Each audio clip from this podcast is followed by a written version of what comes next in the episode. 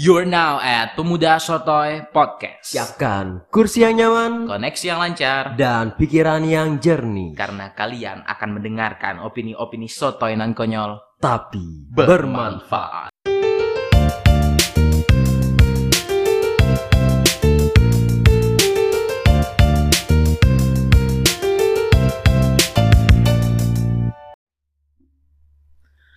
Yo kawan-kawan sotoy semua, gua ada informasi yang sangat terkini. Gua mau ngasih tahu bahwa HP Kapis baru guys. Widih. Kalau jadi ngomong gitu sih, ini kan di luar briefing loh. Iya, Gimana sih? emang sengaja gua. Gimana tuh? Bahagia nggak lu dapet HP baru? Kalau lu tanya soal kebahagiaan, Gak usah ya, so ngebas bangsat. Ini ya, gue gua gua nyampaikan ke lu nih keresahan penonton nih. Kalau denger podcast kita tuh, suara lu yang so ngebas itu susah dengernya, Pis. Bukannya keren, bukannya manly lu pakai suara ngebas gak terlihat laki-laki. Susah mendengarnya. Jadi apa tadi? Sama tadi? Eh, bahagia nggak lu dapet HP baru? ya bakal kita jelasin sih di episode kita kali ini karena pada hari ini kita akan membahas tentang arti kebahagiaan. Kata lu tadi ngebahas soal miras, Bro. Aduh, miras kan udah dibatalkan. Oh gitu. ya udah udah berubah pikiran ya, udah berubah pikiran. Oke Ya oke. udah. udah. Kita bahas sesuatu yang agak ringan tapi agak ilmiah juga boleh ya. Kebahagiaan. Ada ilmiahnya ya? Ada, jelas ada dong. Coba nih, lo lu mulai dari mana dulu nih? Lu lu mau kita mulai dari mana dulu nih soal kebahagiaan ini? Kalau menurut gua dari definisi sih harus. Oke. Biar tahu juga gitu apa sih sebenarnya kebahagiaan itu sendiri. Gimana tuh? Oh dari gua dulu ya. Iya dong, boleh dong. Definisi kebahagiaan menurut lu apa, Bambang? Oke, kalau dari gua sih ya, definisi kebahagiaan itu saat lo memiliki ketenangan dan kedamaian dalam hidup. Itu sih sesederhana itu bahagia, ketenangan dan kedamaian. Ketenangan dan kedamaian dalam hidup. Gue setuju. Karena kalau menurut definisi atau pengertian gua, kebahagiaan itu adalah ketika lu nggak merasa ada tekanan apa pun. Iya. Sama kan berarti tenang, tenang. Ya, ya, ya sama ya kurang lebih ya. Gua merasa sangat bahagia ketika gua mengerjakan sesuatu tanpa ya ada tekanan.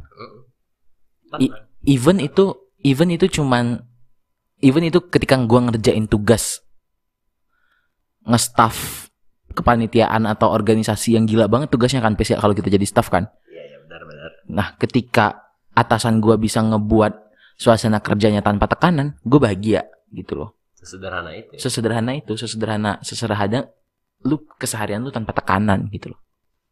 Mirip-mirip lah artinya ya. Iya, iya, Tanpa tekanan dengan tenang. dengan tenang, ketenangan. Kebahagiaan itu adalah ketika lu bisa menjalani hidup dengan tenang tanpa tekanan. Oke. Langsung kesimpulan nih. Langsung kita tutup aja nih podcast nih. Jangan gitu dong. Jangan, jangan, jangan. jangan. Apa lagi nih? Tapi kalau itu kan kayak dari kita ya, dari pendapat kita gitu ya. Oke. Ada baiknya nggak sih kayak kita tahu terlebih dahulu nih kalau menurut dari ilmiahnya gitu. Oke. Wah, Gimana tuh kira-kira kalau menurut ilmiah? Gue ada baca beberapa jurnal ya tadi malam. Tadi malam. Tadi Ada malam. lagi buka. Tadi malam. Tadi malam atau saat ini juga. Aduh. Biar kelihatan. Biar ini kelihatan, biar kelihatan orang suka baca, ya. Pis. Biar kelihatan orang suka baca. Kalau gue bilang sekarang gue lagi buka jurnal nih kan nyontek kan namanya kan. Ya nih guys, ada kok keterangan dia. Bahagia menurut Robert siapa ini? Oh iya lanjut. Diem lanjut. maksud.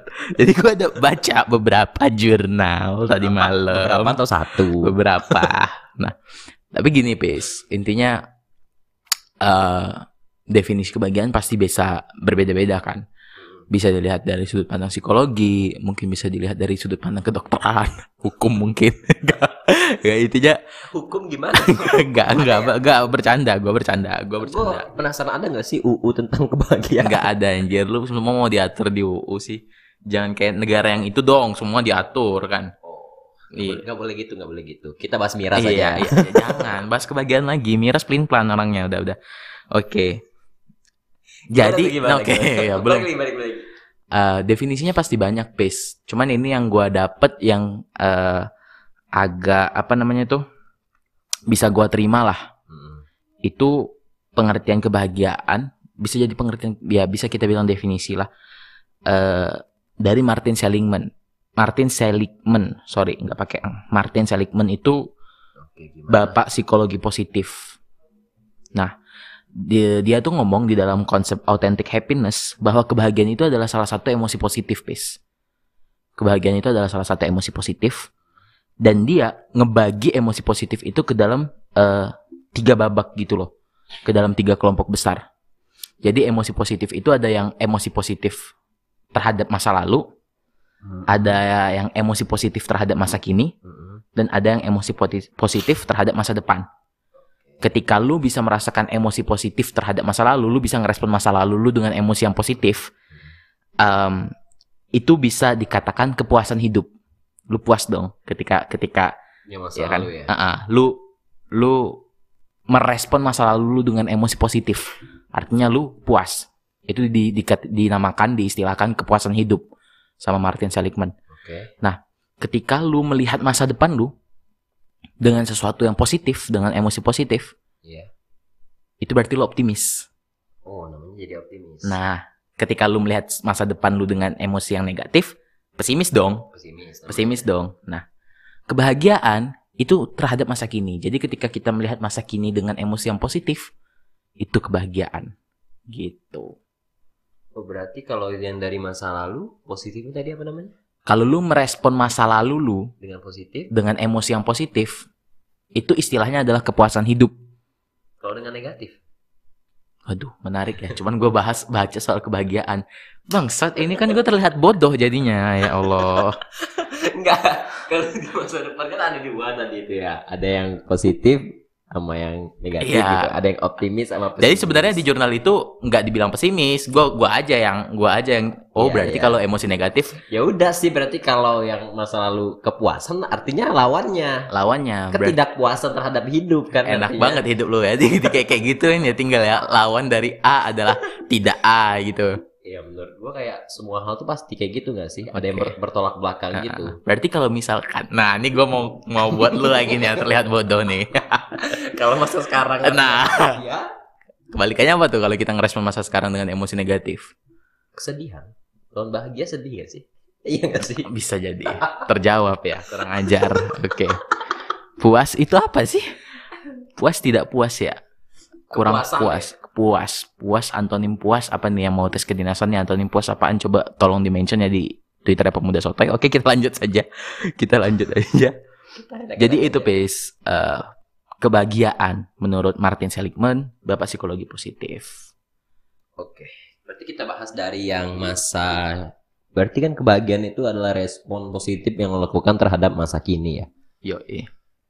Ada beberapa hal kayak yang gue kurang setuju sih sebenarnya. Kenapa tuh? Menurut gue kayak bahagia tuh bukan cuma tentang apa yang terjadi di masa kini sih. Oke. Kayak masa lalu walaupun dibilang itu jadi apa kepuasan hidup, gue rasa kayak itu kan juga yang membentuk lu jadi hari ini kan masa lalu Mm-mm. pengalaman yang membentuk lu sampai lu jadi ke titik ini gitu. Mm-mm. Dan seharusnya dari situ tuh kayak udah menjelaskan juga bahwasanya kebahagiaan itu keseluruhan dari semua aktivitas sih kalau menurut gua Buk- yang terjadi di masa lalu, masa kini dan masa depan bukan hanya di hari ini sih. Masa Ah, iya cuma ah, lu ah. meresponnya dengan yang saat ini aja bisa bahagia gitu. Gak Bi- gitu sih kalau menurut gua. Iya, bisa sih. Gimana kalau menurut? Intinya adalah respon kan ya. Iya respon. Intinya adalah respon. Tapi ini karena kompleks kan ini kan secara ilmiah ya Iya, diilmiahkan. Kalau kawan-kawan sotoy dengar gua sama Kapis tadi bahagia apa bahagia ketika kita hidup tanpa tekanan dan tenang aja gitu loh. Tapi ini ada yang menarik nih Pis. Gimana gimana? Faktor-faktor kebahagiaan gua baca di situ. Waduh, Menurut Martin Seligman ini.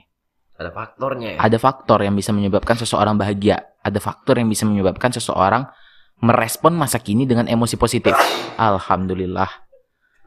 Koronski, baik sekali. Gak akan gue edit, biar tahu bobroknya. Gimana? Gak bobrok sih, itu kan hadiah ya. Manusiawi. Ah, ah, biar kumannya keluar kan. Oke. Jadi ada tiga bis faktor kebahagiaan menurut Martin Seligman. Itu ada agama, ada kehidupan sosial dan ada pendidikan. Nih gue bacain ya. Anjir gue bacain bopong. Padahal kan ceritanya gue baca di malam ya. Ya udahlah. Kalau Nah, yang agama dulu deh. nah Kenapa agama sih jadi bisa jadi salah satu faktor untuk bahagia? karena menurut Martin Seligman ya, menur- menurut dia, gua nggak tahu ini dia sudah melakukan metode penelitian yang ilmiah atau enggak untuk membuktikannya. Cuman menurut dia orang yang religius itu lebih bahagia dan lebih puas terhadap kehidupan daripada orang yang enggak religius. Ya intinya mungkin menurut dia gini loh, Pis, kalau bahasa muslimnya atau bahasa Indonesianya lah. eh, orang religius itu bisa jadi adalah orang yang sangat bersyukur gitu loh.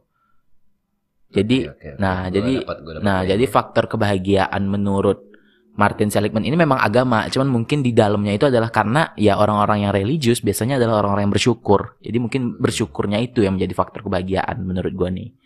Oke, boleh lanjut aja dulu kali ya. Lanjut aja dulu. Yang kedua, Kehidupan sosial.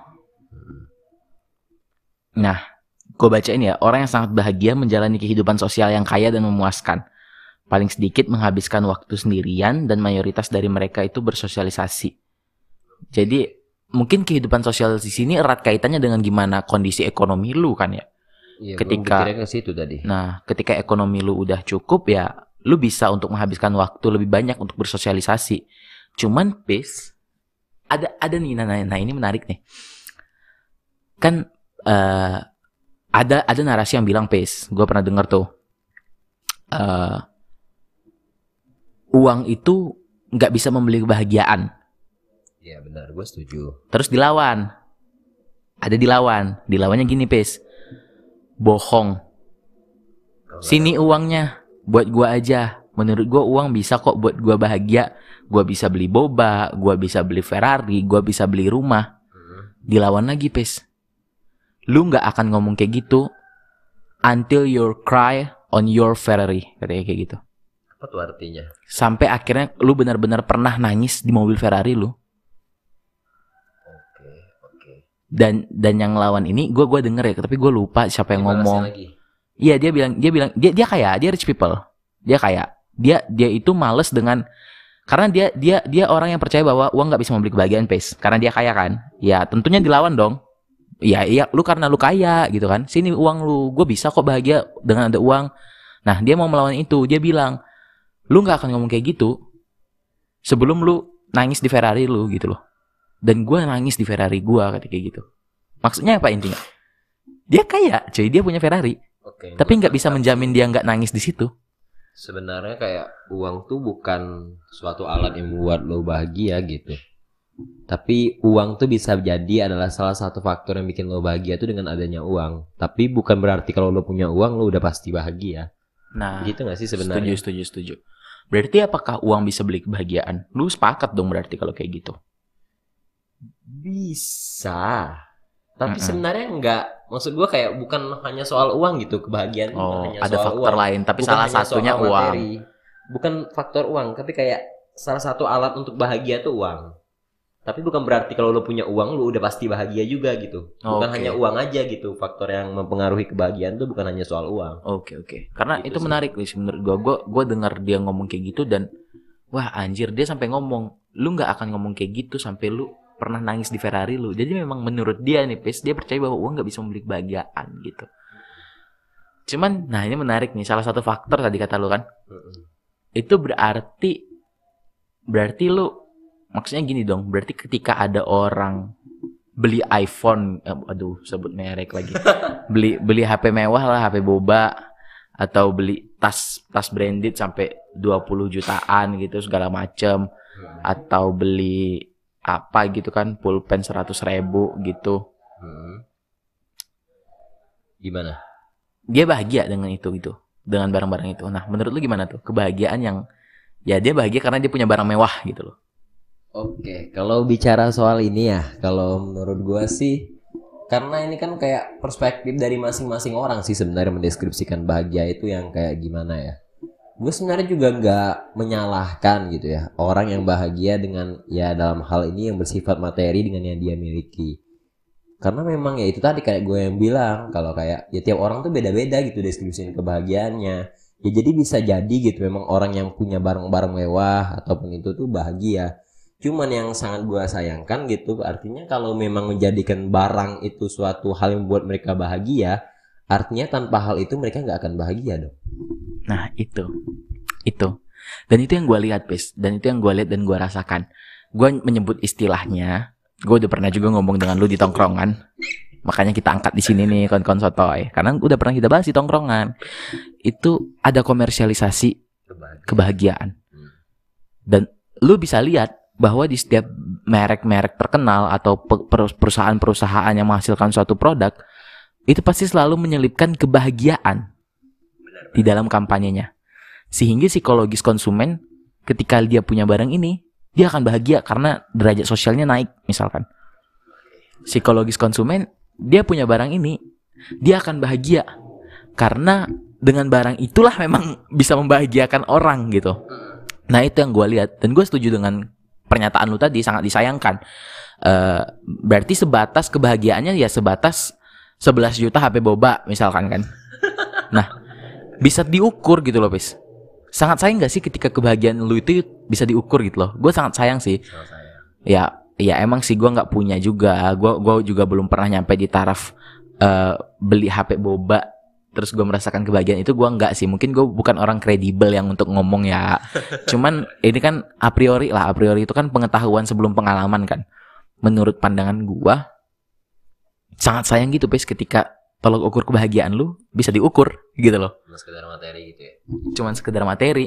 Nah, maksud gue ya ini mungkin normatifnya dan juga mungkin em, gimana ya orang-orang bakal bilang nih orang-orang yang membeli HP boba atau segala macam itu juga bakal bilang kita juga melakukan itu kok. Jadi gue mau bilang ini alangkah lebih baiknya kalau kebahagiaannya itu sifatnya yang lebih esensial, pis. Contohnya?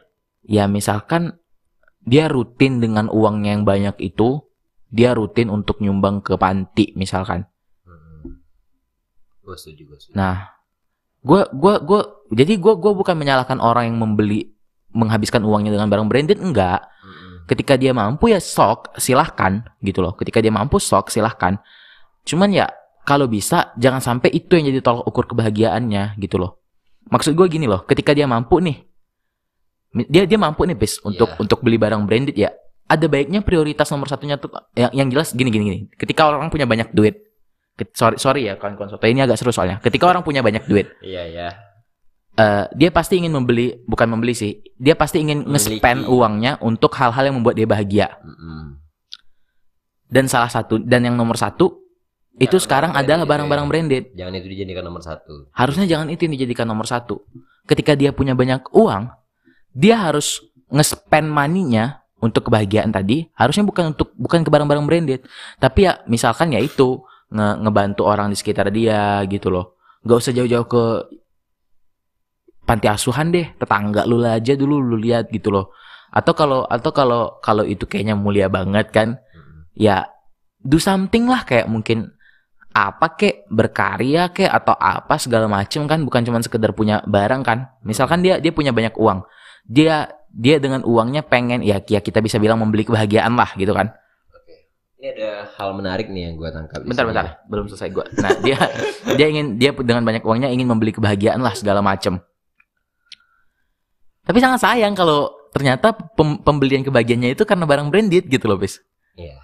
lebih baik gue akan spend uang gue untuk buat studio misalkan karena gue bahagia nge-podcast misalkan gitu atau gue akan nge-spend uang gue untuk eh, ngebangun perpustakaan kecil-kecilan perpustakaan keliling. Kan itu lebih keren gak sih? Kebahagiaannya itu lebih esensial gitu loh. Gue sayang aja ngelihat orang yang bahagia cuman sekedar punya barang branded. Apakah salah punya barang branded? Enggak enggak salah gitu loh. Apa tuh? Apa tuh yang mau lu omongin tuh? Oke, jadi ada beberapa hal nih sebenarnya. Ini kayak satu hal aja sih sebenarnya yang paling gua tangkep gitu ya secara lurus. Kalau jangan jadikan barang branded gitu jadi sebagai tolak ukur alasan pertama lu buat bahagia gitu ya. Atau barang-barang yang bernilai gitu. Nah, kalau udah menurut lu sendiri sebenarnya apakah barang branded itu salah? Eh, salah maksudnya gimana nih Ya salah gitu. Kayak kan mereka mengiklankan itu kan kayak dengan membeli barang kita tuh akan bahagia gitu. setuju Nah, gimana nggak tuh? bisa disalahkan juga di Itu situ di situ masalahnya cuman ya ya itu kan haknya produsen kan maksudnya Iya, Bos. Hak ya jelas dong pasti produsen ingin ingin produknya Iya, eh, kan? dibeli banyak orang segala Itu kan macam strategi pemasarannya yang strategi seperti itu. pemasarannya seperti itu Mm-mm. Ta- tapi maksud gue di sini gue gua nggak pernah nyalahin produsennya pis maksud gue kan gue nggak ada ngomong tuh di awal tadi correct me if I'm wrong cuman seingat gue gue nggak ada ngomong ah dengan adanya eh, produsen yang mengkomersialisasi kebahagiaan ini makanya kayak gini enggak kan? Dari tadi kan gue nyalain orangnya terus kan? Iya. Nah, nah Kan di sini maksud ah. mengklirkan lagi. Ah, gitu setuju. Maksud gua- bukan nyalahin Ah, ah, juga. enggak enggak enggak. Ya, paham paham. Maksudnya konsumen kalau oke. Jangan sampai kita yang ketrap gitu loh. Jangan sampai kita yang kejebak. benar-benar. Jangan sampai kita yang kejebak. Apakah salah punya barang branded? Enggak. Enggak salah.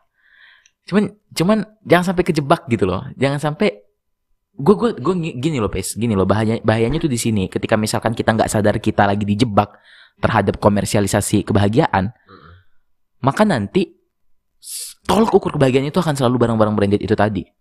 Sehingga akan banyak orang yang sebenarnya nggak mampu untuk beli barang branded itu ikut-ikutan ngemeras dirinya sendiri untuk membeli itu gitu loh. Anggaplah dia mampu anggaplah gaji dia eh, 15 juta per bulan. Dengan dia beli itu kan jadi 11 juta kan cuman yang kepake bulan itu gitu loh. Ya, jadi jadi cuman 4 juta kan yang kepake bulan itu gitu loh. Kan maksa kan. Kecuali emang dia nabung atau apa segala macam. Di situ bahayanya maksud gua. Ketika kita sebagai konsumen nggak sadar bahwa bukannya nggak sadar ya.